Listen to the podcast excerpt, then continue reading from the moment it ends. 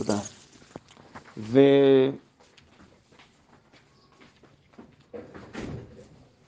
אה, אחת המצוות, אחד הפסוקים, אה, שקשורים גם לעניין הזה של אה, בין אדם לחברו, לא תעשו עוול במשפט, לא תישא פני דל ולא תהדר פני גדול, בצדק תשפוט עמיתך. הפסוק הבא, לא תלך רכיל בעמך, לא תעמוד על דם רעך, אני השם.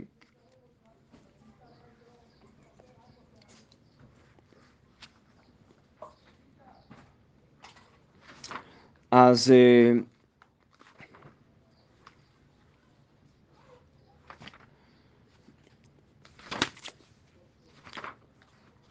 לכאורה עיקר הפסוק מדבר על הדיינים בבית הדין.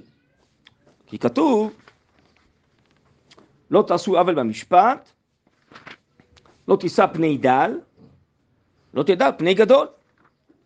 מי יכול לעשות עוול במשפט? זה הדיין.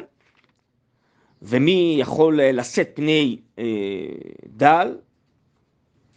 דהיינו, שככה רש"י אומר, לא תאמר אני הוא זה והעשיר חייב לפרנסו, זרקנו בדין, ונמצא מתפרנס בנקיות. הדין צריך להיות דין אמת, זה שהוא עשיר והוא עני, זה לא בגלל זה אתה צריך לפסוק את הדין לטובת העני. יכול לתת לעני צדקה במסגרת אחרת, אבל עכשיו בדין צריך לדון דין אמת, אז זה לא עוזר שאתה רוצה לעזור לו בדין, אסור, כן? לא תישא פני דל. מצד שני, לא תהדר פני גדול. גם אומר רש"י, בשם חז"ל כמובן, לא תאמר עשיר הוא זה, ובן גדולים הוא זה, היה חווישנו, ויראה בבשתו עונש יש בדבר. כך נאמר, לא תדע פני גדול. כן? אלא מה? בצדק תשפוט עמיתך. אומר רש"י פירוש ראשון, כמשמעו תשפוט, בצדק. זה שזה אני וזה אשר, זה סוגיה אחרת, זה לא קשור פה לדין שמתדיינים ביניהם. אבל יש כאן פירוש שני, דבר אחר, הווי דן את חברך לכף זכות. בצדק תשפוט עמיתך, תשפוט כל אדם בצדק. דהיינו תדון כל אדם לכף זכות. ואז לפי הפירוש השני, זה מופיע בספרי, אה, במדרש חכמים על אה, חומש ויקרא, נקרא ספרי, אה, ספרה, תורת כהנים. ספרי זה על חומש דברים. ספרה, תורת כהנים, אז זה מופיע גם כן כדבר אחר, כפירוש שני, בצלם תשפוט עמיתך, דהיינו כל אחד שהוא עמיתך, דהיינו כל אדם, ודאי אדם מעם ישראל, תשפוט אותו בצדק, דהיינו תדונו לו לכף זכות. אם מה שהוא עשה או מה שהוא אמר, אפשר לדון לכף, לכף חובה או לכף זכות, אז נאמר על זה בצדק תשפוט עמיתך. ובאמת, זה הפירוש הזה יוצא קצת מהפשט של הפסוק, כי הפסוק דיבר על דיינים, אבל כאן לפי זה יוצא שזה הוראה כללית, יכול להיות שהיא גם שייכת לדיין, לדיין יכול להיות שנדמה שבעל הדין רוצה מה שנקרא לעבוד עליו, יכול להיות שצריך לדון אותו אה, גם לצדק אה, ולשמוע באופן ענייני מה שהוא אומר, אז יכול להיות שזה כולל גם את הדיינים, אבל לפי זה זה בעצם הוראה הרבה יותר רחבה, שצריך לדון כל אדם לכף זכות. אז אה, לפני שנתקדם, עוד קודם כל אולי זה שני דברים. קודם כל, בעל הטורים אומר שהפירוש השני יכול להיות שהוא ילמד מסמיכות הפסוקים, כי לפי חז"ל סמיכות הפסוקים מלמדת. מה הפסוק הבא? לא תלך רכיל בעמך, לא תעמוד על דם רעך, אני השם. דהיינו, איסור רכילות ולשון הרע. זה ודאי קשור לכל אדם, זה לא קשור אה, רק לדיינים. אז אומר בעל הטורים, מהסמיכות של הפסוק הבא, אפשר ללמוד שבצדק לשפוט עמיתך זה כבר חלק מהפסוק הבא, שלא תלך רכיל בעמך, ולכן זה שייך לכולם ולא רק לדיינים. ככה אומר בעל הטורים, ואני אקריא לכם בצדק תשפוט עמיתך, וסמיך ללא תלך רכיל, דהיינו שמהסמיכות אפשר ללמוד את הדבר הזה. נתחיל אולי רגע אחד מהעניין הזה של מה זה נקרא לדון לכף זכות. זה בכלל, אני חושב שעניין שטעון ברור. הרי אם uh, מישהו עשה משהו רע, אז לדון לכף זכות הכוונה היא להגיד שהוא עשה משהו טוב. אז ברור שזה לא מתקבל על הדעת. אנחנו לא אמורים להפוך את הרע לטוב, אנחנו אמורים להבחין בין טוב לבין רע. ואנחנו אמורים לחזק את הדברים הטובים, ולנסות לעצור בלי נדר אם אפשר את הדברים הרעים. אז ברור שאין הכוונה לדון לכף זכות זה בעצם מה שנקרא אצלנו היום לטייח, להתעלם, אה, להגיד כאילו. לא, התורה היא תורת אמת, זה לא יכול להיות. אז זה צריך להבין. איך אתם מבינות את זה? בואו נשמע רגע מכם. מה זה נקרא לדון לכף זכות? אם יש אה, שתי אפשרויות, או לראות את זה בצד הרע, mm. או לראות את זה בצד הטוב, אבל לא להגיד כאילו זה טוב, לנסות לראות את הנסיבות. כן. טוב, אז אם כן את צודקת, אפשרות אחת, כשאפשר דבר הוא נמצא באמצע, ואפשר, אה, זה לא מוחלט טוב או רע, אלא אפשר להסתכל עליו ככה או ככה, אז אנחנו מצווים דווקא להסתכל, לדון לכף זכות.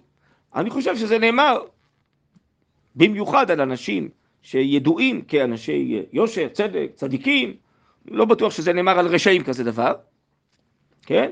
ומי שידוע שכל מגמתו זה להרע ולהרשיע, אבל אדם רגיל, שאפשר לדון לכאן ולכאן, נו, אז אה, תדון לכף זכות. למה? אני אוסיף אולי הסבר.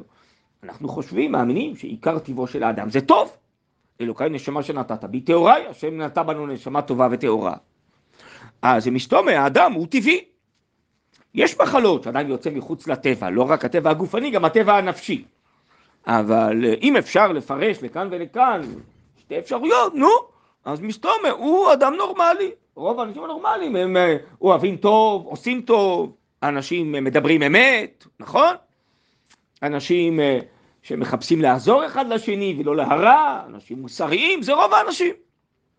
אז אם אפשר לדון לכאן ולכאן, אז כנראה שאנחנו צריכים לדון לצד החיובי. אבל יכול להיות בזה משהו נוסף. יש לכם עוד איזה רעיון? מה זה נקרא לדון? איך אפשר לדון לכף זכות?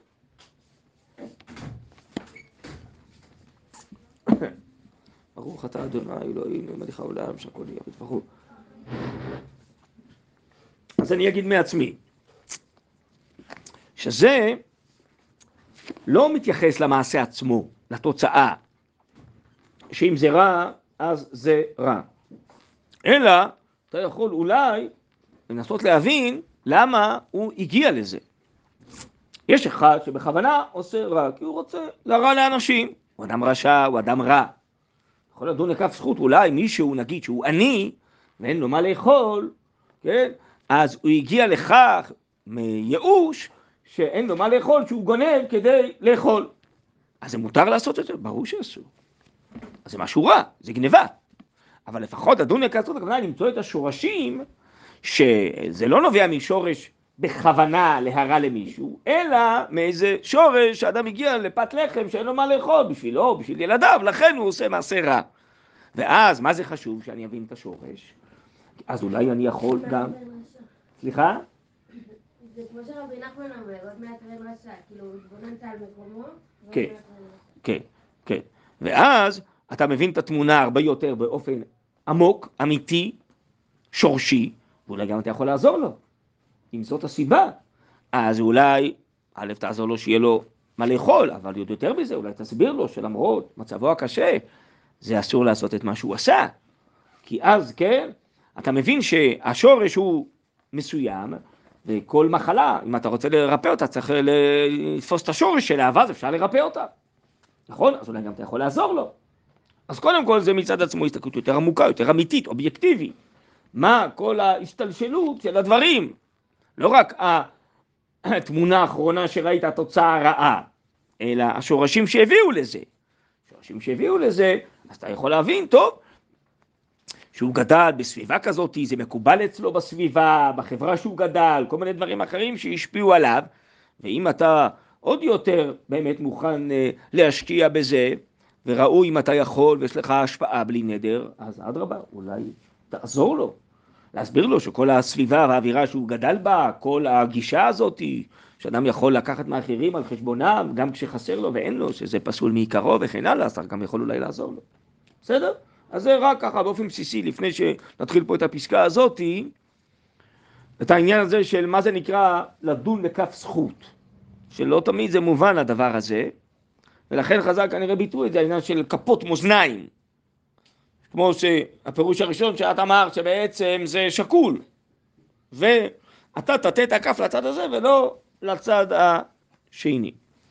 אבל כאן בפסקה הזאת שצילמתי לכם, יש לנו מדברי הרב קוק בעין היעל סוגיה אחרת, שהוא בעצם עוסק לא באדם שאני מדבר עליו, אלא בנו עצמנו. אנחנו שאומרים לנו, בצלת תשפוט עמיתך, כן? איך אנחנו נוכל לגרום לעצמנו לדון בצדק ולא לדון לכף זכות. עד עכשיו עסקנו מה זה נקרא לדון לכף זכות ולא לכף חובה. אבל כאן יש איזה לימוד מהרב שעוזר לנו להעמיק בנפש שלנו עצמנו, איך נגיע לזה שנדון לכף זכות ולא לדון לכף חובה. בסדר? אז בואו נראה בבקשה בפנים. כן.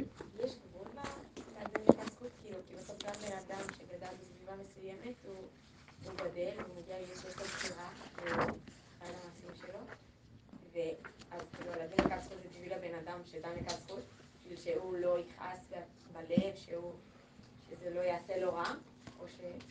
כי בסוף יש אנשים שעושים דברים ממניעים רעים, זה בן אדם שעובד על עצמו יכול להסתכל על זה ולחשוב ולמצוא לזה מניעים טובים, אבל בסוף בן אדם עושה את זה, בחר לעשות משהו רע, עושה את זה ממניעים רעים. אז לא הבנתי את השאלה, הרי זה מה שאמרנו עד עכשיו, שהמעשה עצמו הרי הוא רע. אז הלדון לכף זכות זה בשביל פשוט הבן אדם שמסתובב בעולם, שהוא יסתכל על העולם בצורה טובה. קודם כל שהוא יראה את המציאות אובייקטיבית. דהיינו, שאם באמת מדובר על איזה רשע שאתה יודע שיש לו כוונות רעות ואתה גם מכיר אותו, אז באמת ייתכן מאוד שהוא עשה את זה מראש מכוונות רעות, כמו איזה מחבל שבא להרע למישהו, שכנראה הוא לא טעה והתבלבל פה משהו או הושפע, אלא בעצם אתה יודע מה הכוונות שלו. אבל אם אתה רואה איזה אדם שייתכן מאוד שהוא אדם מה שנקרא אצלנו נורמטיבי, כן? אז אתה אומר, טוב, אבל איך הוא הגיע לדבר הרע הזה? הרי בסופו של דבר, כמו שאת אומרת, הוא בחר דבר רע. אז הסברתי שהמושג הזה לדון לכף זכות, זה יכול להיות שאתה מוצא כמה שלבים קודמים פה, בעצם להבין את התהליך, מה הביא אותו לזה, וממילא מה יכול לרפא אותו. אבל ברור שבסופו של דבר הוא בחר, בכל מקרה. בין אם הוא רשע, בין אם הוא צדיק, הוא בחר לעשות דבר רע, והדבר נשאר רע. והמושג הזה לדון לכף זכות, הוא לא מייפה את הדבר והופך אותו לדבר טוב. זה ברור. בסדר? כן, אבל יש גבול, כאילו, יש מקומות שלא צריך לדון כסף. למשל, ברשעים. כן, זה מה שאמרנו. באנשים שאתה יודע, או מתוך הניסיון, או מתוך כל מיני סיבות אחרות, שבעצם יש לך עדויות עליו, או לא משנה, מכל מיני מקורות, שבעצם זה לא בגלל מה שהוא, אלא זה משהו עמוק, משהו שורשי, וכן הלאה, כן? אז ודאי שאז על זה זה לא נאמר. אז כאן הגמרא עוסקת בעניין של אורח. תראו כאן, זה גמרא מסכת ברכות פרק תשיעי, מדובר על החכם בן זומא שהיה אומר כל מיני אמרות חכמות, הופיע גם בפרקי אבות, מה?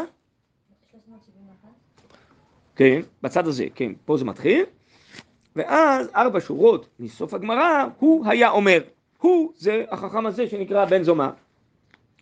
אורח טוב, מה הוא אומר? שני אנשים מתארחים אצל בעל הבית, אכסניה, הכנסת אורחים, ישנים אצלו, אוכלים אצלו, נהנים אצלו, אבל כל אחד מגיב למעשה בעל הבית בצורה אחרת. כל אחד אומר משהו אחר, אומר הכוונה היא, אומר בפה מה שיש לו בלב, מה שנובע מהשקפת עולמו. אז בואו תראו, אורח טוב מה הוא אומר, כמה טריחות טרח בעל הבית לפניי, כמה יין הביא לפניי, כמה בשר הביא לפניי, כמה גלוסקאות הביא לפניי. כל הטורח שטרח, לא טרח אלא בשבילי. זה אורח טוב. שהוא בהתייחס לבעל הבית בכבוד, ויודע להעריך את מה שהוא עשה בשבילו. אבל אורח רע, מה הוא אומר? מה טריחות טרח בעל הבית הזה? מה יין הביא, מה בשר הביא, מה גלוסקאות הביא, כל מה שטרח, לא טרח אלא בשביל אשתו ובניו, שלהם יהיה לאכול. נו, גם אני הייתי פה, אז גם אני נהניתי. אבל בעצם הוא בכלל לא התייחס ולא התכוון אליי, רק בשבילם. ועל אורח טוב מה הוא אומר, אפשר רגע להפוך, תראו את הפסוקים, אם נספיק להגיע לזה. זכור כי תשגיא פעולו וכולי, פסוק באיוב, על אורח רקטים, לכן יראו אנשים וכולי. טוב. אה, אובייקטיבית, המארח הביא לשניהם את אותם דברים. יכול להיות, נגיד, ששני האנשים האלו באו בהזדמנויות שונות, יכול להיות שהם היו גם כן בדיוק באותה הזדמנות. ושניהם קיבלו את אותו דבר. אז אם כן, אין פה איזה שינוי אובייקטיבי, כן? הנתונים זה אותם נתונים, השאלה היא ההתייחסות לנתונים. איך כל אחד מקבל את זה בנפשו, בשכלו, בליבו, נכון? ממילא מה הוא חש, מה הוא מרגיש, מה הוא אומר. אחד אומר ככה ואחד אומר ככה, נכון? זה כמו שיש אנשים, נכון, ידוע, יש פסימיסטים ואופטימיסטים, נכון? אופטימי, פסימי, המציאות היא אותה מציאות. היא לא משתנה לפי האדם. זה הנושא הוא התייחסויות של האדם למציאות. ממה נובעת ההתייחסות? איך הגענו לזה שזה אורח טוב וזה אורח רע, שזה אופטימי וזה פסימי ועוד כל מיני עניינים בחיים, נכון? איך מגיעים לזה? וממילא, איך אולי גם עובדים על זה, כמו שאמרתם, אנחנו רוצים להתקדם, להיות יותר טובים. אם נבין את השורש של כל דבר, גם אם אנחנו נגיד אורחים טובים, אולי יכולים להיות אורחים יותר טובים, כן? אנחנו אנשים מאמינים, אולי אפשר להיות יותר מאמינים. איך עובדים על הנפש שלנו בעצם כדי להיות יותר? אז בשביל זה צריך להבין מאיפה הכל מתחיל. ואז הנושא כאן של ההתייחסות של הרב קוק בפסקה הזאת זה על הנפש של האדם, כן? עד עכשיו אמרנו בפסוק התייחסנו איך מתייחסים, איך מסתכלים על האיש ההוא. בסדר, אבל עכשיו אנחנו מתייחסים לאנשים. בצדק תשפוט עמיתך, שהתורה מצווה אותם תשפוט בצדק. אפשר לשאול, מה הכוונה? אם אני כזה שלא שופט בצדק, מה אתה מצווה אותי? נכון? יש שאלות כאלה על הרבה מצוות בין אדם לחברו. גם מצוות אחרות שיש כאן. כן, ויש אה, שאלה כזאת של אבן עזרא, על חומש שמות, על המצוות בנתינת התורה, לא תתהווה, לא תחמוד. הלב שלי מתהווה, הלב שלי חומד, מה, אני יכול להשפיע על הלב שלי? זה לא מרצוני, זה נגד רצוני, נכון? מה אני יכול לעשות? אני כזה, אומר האדם, נכון? באופן טבעי, באופן אינסטינקטיבי, זה מה שקורה לי, לא? שאלת אבן עזרא שם על, הפסוקים בעשרת הדיברות. מה אני יכול לעשות? אני כזה. אז גם פה אומרים לאדם, בצלם לשפוט עמיתך. מה אני יכול לעשות? אני מסתכל בעין רעה על כולם, אני רואה הכל שחור. מה אני יכול לעשות? אני כזה. תורה אומר לו, בצלם תשפוט, אתה יכול להשתנות. זה לא גזירת הכתוב, ולא גזירת המציאות. אולי אפשר לדון גם אותך לכף זכות, למה הגעת לזה? שאתה מסתכל על הכל שחור, שאתה כזה פסימי, שאתה אורח רע. בסדר, אפשר ללמד עליך כף זכות, אבל זה לא אומר להישאר תמיד בזה. אל תרחם על עצמך, ואל אה, תפתור את עצמך, כן? תעשה לך חיים קלים, ותגיד, אני כזה, זהו, לא יכול להשתנות. לא, בוא תעבוד על עצמך. מי אמר שאתה חייב להישאר כזה? בסדר? אז פה עושים בזה בדיוק כיוון הפוך. על הציווי בצדק לשפוט עמיתך, איך מצווים עליי? מי אני? ממה זה נובע בכלל, ואיך עובדים על זה? אז זה, נראה לי, דרך הפסקה הזאת, אפשר להתקדם בזה. אז בואו נראה בסעיף רפ"ז. אני קורא כבר בביאור של הרב קוק. מפני שישנם בעולם אנשים בעלי ייאוש וספק, הם מדברים טועה על ההשגחה העליונה. הרב קוק מתחיל מאמונה, לאו דווקא באורח טוב, אורח רע, איך הוא מתייחס למארח. יש לנו גם כן מארח, אתם יודעים בכלל, יש שאלה, יש שאלה, ככה מופיע בספרים, כתוב בגמרא והלכת בדרכיו, נכון? זה לי וענווהו כמו שהוא גם אני, או מהו רחום אף אתה רחום, מהו חנון אף אתה חנון, נכון? טוב, אז יש לנו מצווה, נכון? חסת אורחים זה מצווה, לא? כתוב במשנה בפאה, שאומרים בבוקר ברכות התורה בלי נדע, נכון? חסת אורחים בביקור חולים. איפה לומדים שהקדוש ברוך הוא מכניס אורחים? צריך ללכת ללמוד את זה ממנו, לא? הלכת בדרכיו, מאיפה לומדים שהוא מכניס אורחים? יפה, הכניס אותנו לעולמו, כך כתוב בספרים.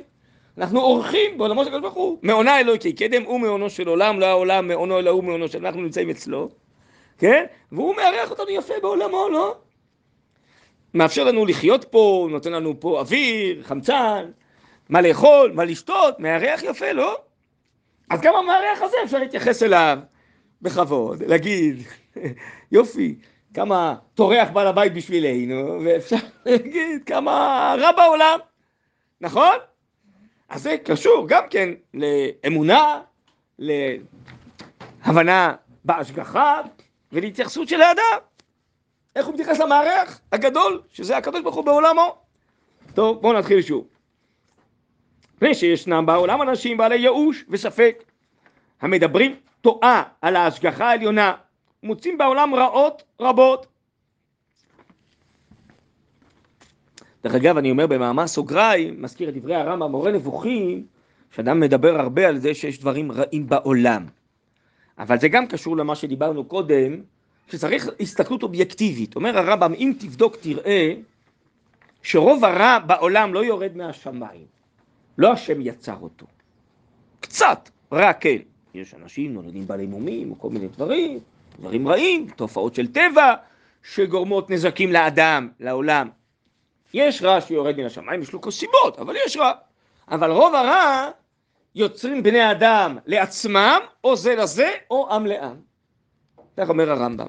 אדם יש לו טבע בריא, והוא יכול אה, לגרום לעצמו להיות חולה. יש דברים שלא תלויים בו, אבל הרבה מחלות של בני אדם תלויות בהם שהם יצרו אותם לעצמם. אכלו לא בריא, התנהגו לא בריא, כל מיני דברים. זה ידוע היום, נכון? אז אם תבדוק, ובייחוד יותר אנשים זה לזה גורמים דברים רעים, ועם לעם. אז רוב הרע, אומר הרמב"ם, אם כבר תבדוק בעולם, תראה שזה לא השם יוצר בעולם. רוב מה שיורד מן השמיים שהשם יוצר זה טוב. הרע, אפילו הרע האובייקטיבי, האלוקי הוא מיעוט, יש לזה תכלית, יוצר אור ובורא רע, כתוב בפסוק. אבל רוב הרע שיש בעולם זה בעצם הבחירה החופשית של בני האדם. הבחירה החופשית הרעה בינתיים, שבחרה גם בדברים רעים, היא יצרה אותם בכלל. בסדר? זה בשביל להיות אובייקטיבי. טוב, אני חוזר אבל לנושא, זה לא פה הנושא. אז יש כאלה, אנשים בעלי ייאוש, ומדברים כל הזמן דברים רעים על הקדוש ברוך הוא. ועל פי דבריהם ישפל רוח האדם, ויאבד את יושרו ותואר לבבו, ויראת השם תלך ותימס, תלך תמס מקרבו. למה? כי אם הקדוש ברוך הוא שברא את העולם הוא רע, המקור הוא רע, אז מה אני צריך להיות יותר צדיק ממנו? אם ממילא יש בעולם דברים רעים שאפשר להימלט מהם, אז ממילא הותרה הארץ אז גם לי מותר לעשות דברים רעים, ממילא הכל רע או הרבה דברים רעים. אם בעצם מקור הטוב ברא את העולם, יש מגמה לטוב, והרוב הוא טוב, אלא מה, יש עוד כמה דברים לתקן? נו, אז יש לו מוטיבציה להשתתף במעשה שמיים ולנסות לתקן. אבל אם ממילא הבורא, הוא יש לו כוונות רעות, והרבה דברים בעולם הם ממילא רעים, אז מה, אני יותר צדיק מהאפיפיור, ככה אומרים, לא? נכון? דרך אגב, יש על זה מחקרים מדויקים, שהשידורים הרעים, אם זה בטלוויזיה, בתמונות, בסרטים, אם זה אפילו החדשות, שמשדרים על מעשים רעים של בני אדם, זה גורם לאנשים להיות רעים. יש לזה השפעה חד משמעית. למשל, אני אגלה לכם, בסדר? דברים שלא ידועים ואני מגלה לכם, זה יש דברים שלפחות את זה קיבלו על עצמם התקשורת, שלמשל לא מדווחים על uh, מספר האנשים שמתאבדים. כי יש להם הוראה חד משמעית מכל הגופים שעוסקים בזה, שהדיווחים על זה מרבים את ההתאבדויות. זאת דוגמית. אבל זה ברור שזה מחקרים, איך סרטי אלימות גורמים לילדים להיות אלימים, וזה חד משמעי. אז ברגע שיש השקפה כזאת, מרירה, מיואשת, רעה, על העולם, ההשקפה עצמה יוצרת, זה כמו נבואה שמגשימה את עצמה. ככה כולם אומרים, וככה כולם מסתכלים, וככה האדם עצמו, אז זה מוליד עוד הרבה דברים כאלה. זה נקרא נבואה שמגשימה את עצמה. העין הטובה והעין הרעה זה כוחות פועלים. האווירה שיש בעולם, האטמוספירה, זה כוחות פועלים, זה לא סתם. ואדם שנמצא בחברה טובה, אומר הרמב"ם, הוא יושפע ויעשה בסוף דברים טובים. ומי שבחברה רעה יעשה דברים רעים, לכן אומר הרמב"ם, בהרבה מקומות תברח ממקום שיש חברה רעה, זה ישפיע עליך. כי זה דוחף, זה מושך. אז לכן, אם האדם בהשקפת עולם שבעצם אני בעולם שכולו טוב כמעט, ואני אוהב את השם, ואני מודה לו, וכן הלאה, טוב, יש דברים רעים לתקן בעצמי, בעולם, נו, בואו נתאמץ. יש תקווה, יש בשביל מה, יש תכלית, אבל אם זה מילא הכל עיוור, בכלל אין בורא אפילו שברא, אתם יודעות מה יותר מזה, לא רק שהבורא, אין בורא שברא, הכל עיוור. ואנחנו בכלל לא יודעים, אולי העולם הולך לאבדון בכלל. ואנחנו uh, לקראת האבדון, אז בינתיים בואו נהנה, חבל על הזמן, הרי ממילא לא יצא מזה כלום. השקפות מיואשות כאלה הן גורמות לאנשים לעשות מעשים רעים, להתייאש מהעולם ומעצמם, ובכלל לא לרצות לעבוד על עצמם ולתקן שום דבר, זה ברור. הרב קוק מדבר על זה בהרבה מקומות, הייאוש של אה, הרבה מהתורות הבודהיסטיות, המזרחיות, הייאוש למחצה של הנצרות, שהם חושבים שהעולם בשליטת השטן ואי אפשר להימלט מזה. אתם אולי לא יודעות מזה, אבל העולם המזרחי זה השקפת העולם שלו, בסדר? לעיתים צריך להיזהר, יש גם סוגי אה, אה, יוגות, התעמלויות, חיים כאלה שמאוד מאוד מחוברות להשקפת העולם הזאת. הפסיביות הזאת, שממילא אי אפשר לשנות שום דבר, אפשר לתקן שום דבר, זה לא במקרה. בסדר, אז אם זה רק התעמלות שזה לא מחובר להשקפת העולם, יוגה וזה, זה בסדר. אבל יש כאלה גם צורות אה, של התעמלות, דברים אחרים שהם לגמרי לגמרי מחוברים, וכשעוסקים בזה אז גם מסבירים לאנשים. כל הפסיביות הזאת היא נובעת מהשקפת עולם. קוראים לזה דטרמיניזם, אה, פטליזם, יש כל מיני שמות, יש לזה לועזיים, שכאלה שמיואשים מעולם וחושבים שממילא הגורל הוא עיוור ולא יצא שום דבר טוב, וממילא אין מה בכלל לעשות בחיים, אין מה להתאמץ, בסדר? יש בתרבות, יש הרבה השקפות עולם מסובבות בעולם, וגם עדיין בימינו. טוב, אז אני רק אה, בעצם אה, ניסיתי להסביר פה, קצת להרחיב את המילים של הרב קוק, שהרוח הזאת, ההשקפה הזאת, ההסתכלות הזאת על העולם של חוסר אמונה, של חוסר שמחה, של חוסר אמון בטוב, מייאש את האדם ויכול לגרום לו גם לעשות מעשים רעים. טוב, הלאה. אני ממשיך. על כן, למען לא יתפתה אדם לנתנותיהם הכוזבות. של מי? של אותם אנשים שבעלי ייאוש, נכון? יצייר כי באמת הייאוש וההשקפה בעין רעה על המציאות והביטחון וההשקפה בעין טובה, שניהם אינם באים לאדם על פי חילוקים בשכל החיצוני המופשט. כי אם הדבר תלוי בתכונת הנפש הטובה היא אם רעה. זה חידוש גדול למי שלא יודע את זה, וזה דבר מרכזי. אני אסביר מה שנאמר פה. זה בעצם, אומר הרב קוק, לא מתחיל ממחלוקות מה שנקרא אידיאולוגיות, פילוסופיות, כי יש בפילוסופיה בעלי עין טובה, בעלי עין רעה, בסדר? היה פילוסוף גדול בזמנו של הרב קוק בשם ברקסון, שהוא היה בעלי העין הרעה, הרב קוק קורא לו, חושב שהעולם הוא רע ואין לו שום תקווה, אבל ממה זה מתחיל אבל, שואל הרב קוק. זה מתחיל מאותה פילוסופיה? פשוט זה אחד ככה רואה את העולם וזה ככה? לא, אומר הרב קוק, זה מתחיל מהלב, לא מהמוח. מתחיל מהלב, מהנפש, לא מהשכל. שיש אדם שיש לו, אה, הייתי אומר ככה, כל אדם יש לו בנפש טוב ורע, אורות וצללים, בסדר? אנחנו אחרי חטא אדם הראשון, כולנו מעורבים מטוב ורע. וגם נפש אדם, אומר הרב קוק באיזו פסקה מלאה, אורות וצללים. בסדר? או בספרי החסידות זה עיקר נפש אלוקית או נפש בהמית, בסדר? זה שמות שונים, לא משנה. או יצר טוב או יצר רע.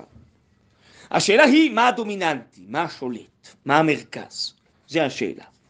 יש אדם שבסוף הצללים האלו שבנפשו הם המרכז, והם גורמים לו מתוכו פנימה להשקיף על העולם בעין רעה, בעין מיואשת, בעין כזאת שכולם רוצים רק להרע, וכולם אינטרסנטים, וכולם אגואיסטים. ובעצם אין לעולם תקווה. ויש אנשים שהאור הפנימי שיוצא מנשמתם הטהורה, הנשמה היא מלאה אור. האור של הנשמה בוקע, מנצח את הצללים שיש בנפש האדם, והאור הזה גורם לו שבסוף גם השכל, המחשבה תואר מאור הנשמה, והוא יסתכל בהסתכלות אופטימית, אמונית, טובה, על העולם, על הבריאה, על בני האדם, על המארח שלו בסוף. בסדר? זה מתחיל מפני, מאדם פנימה. ושוב תכף נראה בלי נדר שכל הפסקה הזאת נלמדת מחז"ל, כי זה לא גזירת הכתוב. אם חז"ל סתם אומרים אורח זה, אורח זה, מה, אז מה זה משנה? ממילא זה אומר את זה וזה אומר את זה, מה זה חשוב לי לדעת? לא, תבין מאיפה זה נובע. כתוב לך אורח טוב, אורח רע, מה הוא אומר. כלומר, מאיפה מתחיל, למה הוא נקרא אורח רע וזה נקרא אורח טוב? כי זה בנפשו טוב וזה בנפשו רע. אבל כולם יש להם נשמה טהורה, נכון, אבל מעבר לרובד העמוק של הנשמה הטהורה, יש רבדים נפשיים פסיכולוגיים יותר חיצוניים, ששם יכול להיות שיתגברו אצלי הצללים ברגע זה. ואם אני אגרש את הצללים, או שאני ארבה את אור הנשמה, אז האור הזה יגרש את הצללים, כמו כל אור שמגרש את החושך. ואז אני אפשר גם כן לאורח טוב. זה לא גזירה, אפשר uh, להשתנות. אבל בעצם מה החידוש של המשפט האחרון שקראנו, מאיפה זה מתחיל? זה לא מתחיל מהשקפות עולם אידיאולוגיות. זה מתחיל בעצם במשהו נפשי, משהו ליבי. בסדר? מזה זה מתחיל. הלאה. אני ממשיך, כי כמו שאנו רואים במקר, במקרים הקטנים, שהאורח הטוב יצייר את אה, טובו של בעל הבית, ואין בזה מן השקר כלל.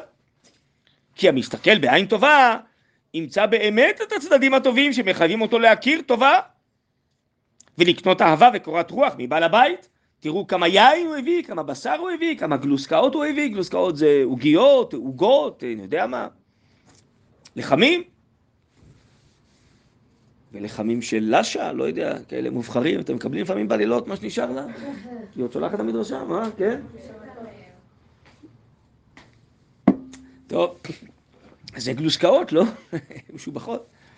אז אם כן, אז הוא באופן אובייקטיבי, הוא קיבל את זה, אז הוא אומר מה הוא קיבל, מה זה לא נכון, מה האורח הרע לא קיבל את זה, שניהם ישבו על אותו שולחן, שניהם קיבלו את זה. אז זה נכון מה שהוא אומר, אבל למה הוא אומר את זה? למה על זה הוא מסתכל? כי מתוך הלב הטוב שיש לו, זה מה שהוא מסתכל, זה מה שהוא רואה, זה מה שחשוב לו, זה מה שאצלו העיקר במציאות. מה, הוא לא רואה, הוא עיוור שיש גם רע? לא יודע, אולי גם בעל הבית התקמץ, קמצן על משהו אחר. לא הביא דברים אחרים שרגילים להביא אולי, הכל יכול להיות.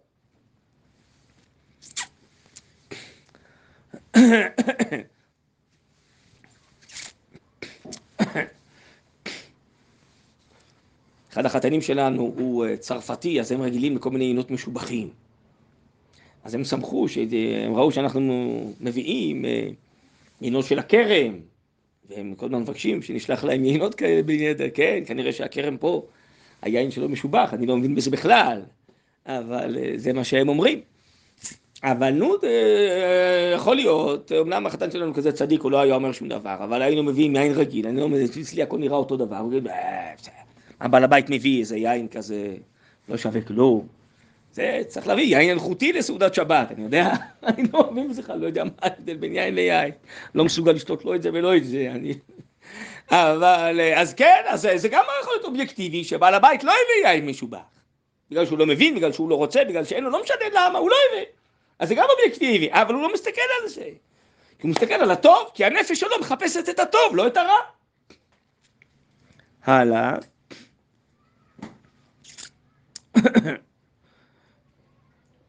וכיוון שנפשו טובה, אני ממשיך לקרוא, הרי הוא מוצא לפניו, נכון, נדון לכף זכות וכף צדק, שיודע בעצמו מידת טובו, שאלמלא היה הוא בעל הבית מכניס אורחים, אם יהיה בידו, היו, היה אני חושב, מקבלה בסבר פנים יפות, בשמחה ובעין יפה, כן? הוא היה נוהג אותו דבר, אם הוא היה בעל הבית עכשיו, והתפקידים היו מתחלפים. אם כן, גם בעל הבית זה ודאי טרח גם כן הכל בשבילי, מפני שהתכונה הטובה של אהבת רעים היה כדאי להכריעו לכל אלו המעשים. אז יש פה שתי הדגשות. למה זה חשוב לרב קוק להגיד שהוא שם את עצמו במקום בעל הבית? כי אם בעצם הכל מתחיל מהלב שלי, מההרגשה שלי, אז כמו שאני הייתי עושה ככה, אני מרגיש לגמרי שזה מה שהוא עושה. זה פשוט, עכשיו אני נסעתי לחופשה באיזה מקום ואני נמצא אצלו, אם הוא ייסע לחופשה אליי, אז אני, הוא, זה, התפקידים יתחלפו. ולכן הוא מתוך נפשו פנימה מרגיש בדיוק את מה שבעל הבית עשה, כי הוא גם היה עושה את זה. אבל תשימו לב, יש פה עוד הדגשה במשפט האחרון. אם כן, גם בעל הבית זה ודאי טרח גם כן הכל בשבילי. וזה מה שחז"ל הדגישו פה, שהראשון, האורח הטוב אומר, שהוא עשה את הכל בשבילי. האורח הרע אומר לו, הוא עשה, אני לא יכול להכחיש את מה שהוא עשה, אבל הוא עשה את זה בשביל אשתו ובניו, לא בשבילי. כלומר זה מה שנקרא פרשנות, איך מפרשנים את מה שהוא עשה. טוב, אז איך זה יודע לפרשן שהוא עשה בשבילו, וזה יודע לפרשן, מה יש להם איזה הוכחות? בכתב. למה הוא עשה את זה? יש לו איזה הצהרת כוונות בפני עדים, למה הוא עשה את זה? זה כל אחד מפרש מתוך נפשו. אחד אומר, גם אני הייתי עושה את זה בשביל האורח שהיה בא אליי. נו, אז זה ברור לו שהוא גם עשה את זה בשבילו. ואחד שלא היה עושה את זה בשביל אחרים, אלא אולי, אגב זה שהוא עושה לאשתו ובניו גם, לא אכפת לו שעוד מישהו ייהנה, אז הוא מתוך נפשו יודע שבעל הבית גם כן לא עשה את זה בשבילו, אלא בשביל אשתו ובניו, כי גם הוא היה, היה כזה, כי גם הוא, כי הוא בעצם, האורח רע, הכוונה היא, נפשו רעה. ושוב אני אומר, נפשו רעה זה לא אומר שנשמתו רעה, נשמה היא תמיד טהורה, הכוונה היא, הוא התרגל לזה, וזה מנטליות, תרבות, מה שהשתלט עליו, וזה אמרתי, לדון אותו לכף זכות, הוא הגיע למצב כזה שהצללים מנהלים את חייו ולא האורות. אז שוב, זה לא דבר טוב, זה דבר רע. אבל אני חושב שגם אפשר להשתחרר מזה. אבל בעצם הכל מתחיל מתוך הנפש פנימה של האדם. אם אתה אדם טוב, אז תראה את הכל לטובה. אתה אדם רע, תראה את הכל לרעה. נכון? זה כמו שיש שמש, אדם לוקח משקפי שמש, נכון? אז כל העולם פתאום נראה לו כהה, לא? העולם לא כהה, פשוט אין ברירה, אני חייב לסנן את ה... אה, קרני האור, כי uh, זה יותר מדי, זה מסוכן בשבילי. אז המשקפיים כהות. אחד אחד יכול לבוש משקפיים אדומות, אחד עם משקפיים ירוקות. כל העולם ייראה אדום או ירוק, אבל העולם לא אדום ולא ירוק, זה הכל המשקפיים שלך, נכון? מה החידוש כאן של הדברים? המשקפיים נובעות מהלב פנימה, מהנפש פנימה. אם אתה אדם טוב, אתה תראה את הכל לטובה. אתה אדם רע, אתה תראה את הכל לרע. זה השתקפות של הנפש שלך פנימה. חז"ל אמרו את זה במקום אחר, במשפט אחר, כל הפוסל במומו פוסל. אתה מסוגל לראות שמישהו לא בסדר, שיש לו מידה רעה, למה אתה, אתה מכיר מה זה המידה הזאת? כי יש לך. אתה לא יודע בכלל מה זה המידה הזאת, איך אתה יודע שיש לו? אתה לא יודע בכלל מה זה. הנה, כמו עם היינות, אני בכלל לא יודע מה זה יין משובח, איך אני יכול להגיד את זה משובח? לא, אני לא יודע מה זה יין משובח. בסדר? אז מי שיודע מה זה הפגם, הוא יכול לראות אצל מי שלא יודע בכלל מה זה הפגם הזה, הוא כולו צדיק טהור, הוא בכלל לא מכיר את הפגמים, איך הוא יראה את זה אצל חברו, נכון? אז הפוסל במומו פוסל. כלומר, הכל זה השתקפות של הנפש פנימה. בסדר, גם הפסיכולוגיה העתיקה והמודרנית מודה לזה, קוראים לזה השלכה בפסיכולוגיה, שאדם משליך מתוך נפשו פנימה. זה ברור שזה ככה. אבל נגיד אדם צדיק, נגיד, שהוא, והוא כן, נגיד, מדבר על רוע שיש בעולם. כן, נכון, כי התורה מדברת, והתורה עומדת בצד האור, והיא אומרת, כיוון שאנחנו רואים שיש רשעים ורעים שמפריעים להופעת האור, אז צריך להתמודד איתם, אבל אתה בא מצד האור. כלומר, לטובת האור והקדושה שצריך להיות בעולם, אתה רואה שיש אנשים שמפריעים, שהם נגד זה, שהם הפוכים מזה. השאלה היא, אבל איפה אתה אומר? אתה עומד בצד האור או בצד החושך? זו השאלה. גם מי שעומד בצד האור, מסוגל לזהות את הרע. בסדר? והוא גם, אדם צריך לדעת מה זה הרע, אבל לא שזה יהיה טבע נפשו. אפילו גם אדם שהיה לו איזה פגם רע, והוא יכול לראות את זה לאחרים, הוא צריך לצאת מזה, להזדכך מזה. אז הוא ידע מה זה, הוא ידע לראות את זה. אבל לא זאת השקפת עולמו, הוא יראה את זה כמו איזה כתם קטן שחור על שמלה לבנה. בסדר? על בגד לבן. אבל, אז מי שרואה את האור, רואה את המרכז, אז הוא רואה כן, יש גם כתם שחור, צריך תיקון.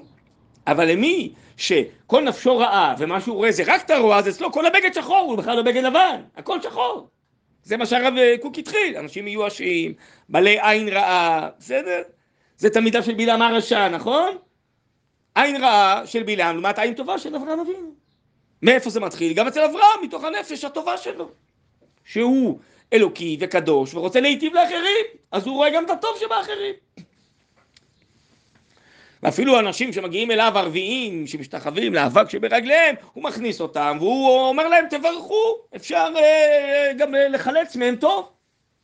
או אליהו הנביא שמחלץ, השם הוא האלוקי מפני עובדי, מפי עובדי הבעל, אומר הרב קוק במקום אחר.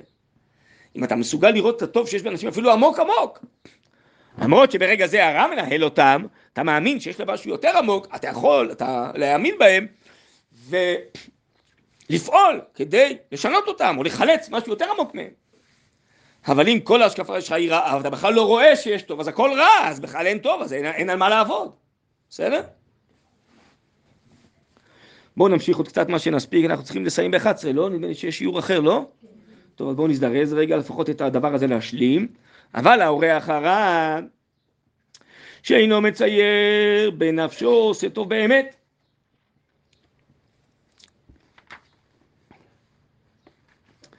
לא יוכל לצייר ציור הגון וטוב. למה? כי הוא לא יכול לצייר בנפשו עושה טוב באמת. הוא לא מאמין שיש אנשים טובים, כי הוא עצמו, הרע השתלט עליו, הוא מסתכל על עצמו כאדם רע, הוא לא יכול להאמין שיש אנשים אחרים טובים. ממילא לא יוכל לצייר, הכוונה היא ציור שכלי, ציור הגון וטוב, הוא מחפש צדדים להקטין את הרושם הטוב. ואם ימצא צדדים לייחס לרע ביחס. טוב, אבל מה, נעשה אובייקטיבית, הוא נתן לך לחם, בשר, גילוסקאות, הוא נתן, לא, אז אתה אדם רע, ואתה לא יכול להאמין שיש אנשים טובים, אבל הוא עשה משהו שהוא על כורחך נחשב לטוב, אז אתה תפרשן את זה לרע. כן, הוא עשה את זה, אבל בשביל אשתו ובניו, לא בשבילי. לא, כאילו, לא כאילו... נכון, אני אתן דוגמה לזה, מצוין. מצוין, את צודקת. אני אתן לזה דוגמית, ממש יש לי סיפור, דוגמה לזה. יש לי איזה תלמיד שהתברג בשירות הצבאי שלו למודיעין והגיע ל... למרות שהוא היה בעל דרגה לא גבוהה בצה"ל, אבל כיוון שהוא נכנס לאגף המודיעין, אז אה, התחילה האינתיפאדה, זה היה לפני הרבה שנים, והוא היה בצומת מאוד חשובה של כל הדיווחים שם בבור. לא משנה, בקיצור, יום אחד הוא מודיע לי, אני בא לפה לאיזה טיול כזה בנגב עם אה, עוד איזה יהודי שהוא אה, יועץ של הרמטכ"ל, ואנחנו ככה עושים איזה פה טיול בנגב, אם אפשר אה, להיכנס אליך לשתות כוס קפה או מה, בשמחה וזה. טוב, הם הגיעו בסוף, לא יודע מה, ב-12 בלילה. גרנו לא מקום הזה, מקום קודם שגרנו פה במצפה רמון, לא משנה, היה לנו גינה וזה, אז בשמחה הכנסתי אותם, שתינו, התחלנו לדבר וזה, ו... היה שיחה מאוד מעניינת עם היהודי הזה, היה כזה יהודי מאוד משכיל וחוקר, פסיכולוג כזה, וקורא המון דברים, ואולי בשבת אולי אני אספר לכם קצת איזה שאלה שהוא שאל אותי מאתגרת, מעניינת. אני לא רוצה להאריך עכשיו, זה לא הנושא, אבל היה ככה דיון פורה עד שתיים, שלוש בלילה. וזהו. אמרו שהם הולכים, ממשיכים, לא יודע בדיוק לאיפה הולכים, כבר לא זוכר וזה, טוב. ונפרדתי בחביבות, נגמר הביקור בין 12 ל-3 בלילה, או 2-3 בלילה. אחרי זה הוא מתקשר אליי, אחרי איזה זמן, הוא אומר לי, שמע, היה לי איזה דו-שיח מעניין איתו כשיצאנו מהבית שלך. הוא אומר, הבחור הזה אמר לתלמיד שלי, שמע, כל מה שהוא דיבר אליי, זה היה לאוזניך בשבילך, לא בשבילי. הוא היה בשוק, הוא לא האמין. כי אני עשיתי איתו דיון ער, באמת, על כל מיני שאלות שהוא שאל, הוא שאל על, על, על, על, על הישיבות, על הישיבה וזה, כל מיני עניינים שברומו של עולם. הוא אמר, לא, לא, לא הבנתי. הוא דיבר איתך בעיקר, לא איתי, על הנושאים שלי הפרטיים. הוא דיבר איתך כל מיני דברים, אמנם לא דווקא פרטיים, אבל דברים מהותיים, ערכיים, ברומו של עולם. אז כל מה שהוא אמר בעצם לך זה לאוזניי בשבילי? אומר, ברור. אתה תלמיד שלו, רצה להשפיע עליך. אמר לו, למה אתה אומר את זה? מאיפה אתה יודע את זה? אמר, לא יכול להיות. אדם מקבל אותנו, משקיע בנו שעות באמצע הלילה? ברור שיש לו איזה אינטרס בזה. אותך הוא מכיר, והוא רוצה להועיל לך, לכן הוא עשה את זה בשבילך, לא בשבילי. אז הוא קלט, הוא גם כן לא פראייר, התלמיד הזה. אמר לו, תגידי, שמעת משהו שנקרא ביהדות לשמה לשם שמיים? שמעת על המושג הזה ביהדות? אצלכם בעולם הפסיכולוגי הכל אינטרסנטי, וחושבים שהכל מתחיל מהתועלת הפרטית של האדם. אצלנו יש דבר כזה שנקרא לשם שמיים, חסד לשמה. מתוך אהבת האדם, אהבת ישראל, אהבת השם, לשם שמיים. גמילות חסד, גמחים, חסד, שלח לך פני המים, לא בשביל שום אינטרס. שמעת על המושגים האלה? אז אני יכול להבטיח לך, ככה הוא אמר, שהרב שלי עשה את זה לשם שמיים, אין לו שום כוונה בזה. אני מכיר אותו. המעניין היה איך אדם מפרשן את מה שהיה שם, זה בדיוק דוגמית, הנה הדבר הזה, זה לא עניין רע וטוב. אבל אחד, עולם המושגים שלו זה עולם פרטי, עולם אינטרסנטי, שכל מה שעושים, כי יש בזה אינטרס. זה מועיל לי משהו, או מועיל מישהו, למישהו מקורב אליי. כמו שהוא אומר פה, מה, מה עשה למה לשתור בניו? אז הוא אומר, הוא עושה את זה בשבילך. הוא אדם חכם מאוד, זה לא עניין של, של חוסר הבנה רציונלית, השכלתית, אדם חכם מאוד היה. אבל הנפש שלו ככה בנויה. אם עושים משהו בגלל אינטרס, אז מה האינטרס שלו? אתה. אז הוא היה בשוק, אתם מבינות? הרב, זה בעצם תחום אחד, אני יכולה לראות בעין טובה, ותחום אחר, ששם יותר כן. קשה לי, אני יכולה לראות... גם יכול להיות, בהחלט, נכון. גם יכול להיות, כן. אנחנו צריכים לעבוד על התחום הזה. כן? ברגע שאני אפתח ויותר יהיה אדם מאמין ורואה את הטוב האלוקי ובאמת רגיל לראות את הטוב האלוקי שבבני אדם ובעולם אז יכול להיות שהנפש שלי היא מלאה אור כזאת, באופן טבעי תפרשן את כל המציאות לטובה. היא גם תראה את הרע, אבל היא תראה אותה במקום של האור. בעולמו של הקדוש ברוך הוא גם קצת רע, יורד מן השמיים, כמו שאמרתי בשם הרמב"ם. גם אנשים שהם טובים, לפעמים נכשלים, נחלשים, עושים טעויות. בסדר. אבל בסך הכל הם אנשים טובים. אז, אז כל מה שכאילו, שלומדים פה זה בעצם מה המארח חושב על הכוונות של, ה, של המארח? מה האורח חושב על הכוונות, כן? והרב קוק מזה, זה מתחיל מתוך הנפש שלו, אז הבעיה היא אצלו, הבעיה לא במארח. המארח זה אובייקטיבי, זה הוא עושה את אותם דברים. כל אחד מפרשן אחרת מתוך נפשו שלו.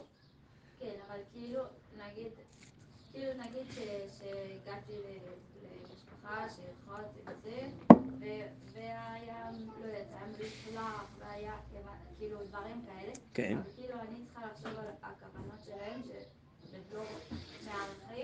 מארחים, הם כאילו עשו הכל בשביל... הם עשו את הכל, יכול להיות שהם אנשים שהם לא מספיק נקיים אה, בטבעם, לא יודע מה, זה לא אומר שזה בסדר שהם מלוכלך. אז כאילו, ה- זה הכוונה, כאילו, שלו. כן, כן. שוב, יכול להיות שיש פה איזה אנשים רעים, ובאמת יש להם אינטרסים, והם לא בגלל זה, יכול להיות, לא יודע, בעולם הפוליטי זה יכול להיות מצוי, שיש המון אינטרסים. בסדר, לא... אבל אנשים רגילים, נורמטיביים, שאדם נכנס להתארח אצלם, אני יודע מה, אצלנו נכנסים, באים שביליסטים, שביליסטיות, לא יודע, מתארחים וזה. מה, אני, יש לי איזה אינטרס בזה?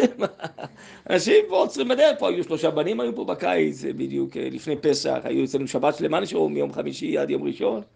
היה נחמד איתם, היה כיף איתם, אה, זה, יש איזה אינטרס בזה, אז מסתובבים גם ככה הם יסתכלו עלינו, אדם, אנשים נורמליים, הם עצמם נראים אורחים טובים.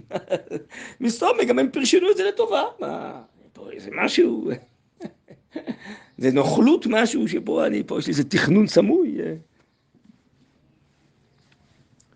בואו נמשיך רגע אחד ונסיים. כן, נפש צדיק, הזכה, המוכנת לעשות טוב, תשקיף על ההשגחה האלוקית בעין טובה. כי מנפשו יחזה שרצונו רק להיטיב, כמו שהוא חושב שהקדוש ברוך הוא רוצה להיטיב, אז גם הוא ככה מפרשן גם אנשים אחרים שהם כנראה טובים ורוצים להיטיב. ומניין נמצא בנפשו הכישרון הזה, אם לא מאור העליון הטוב והמיטיב?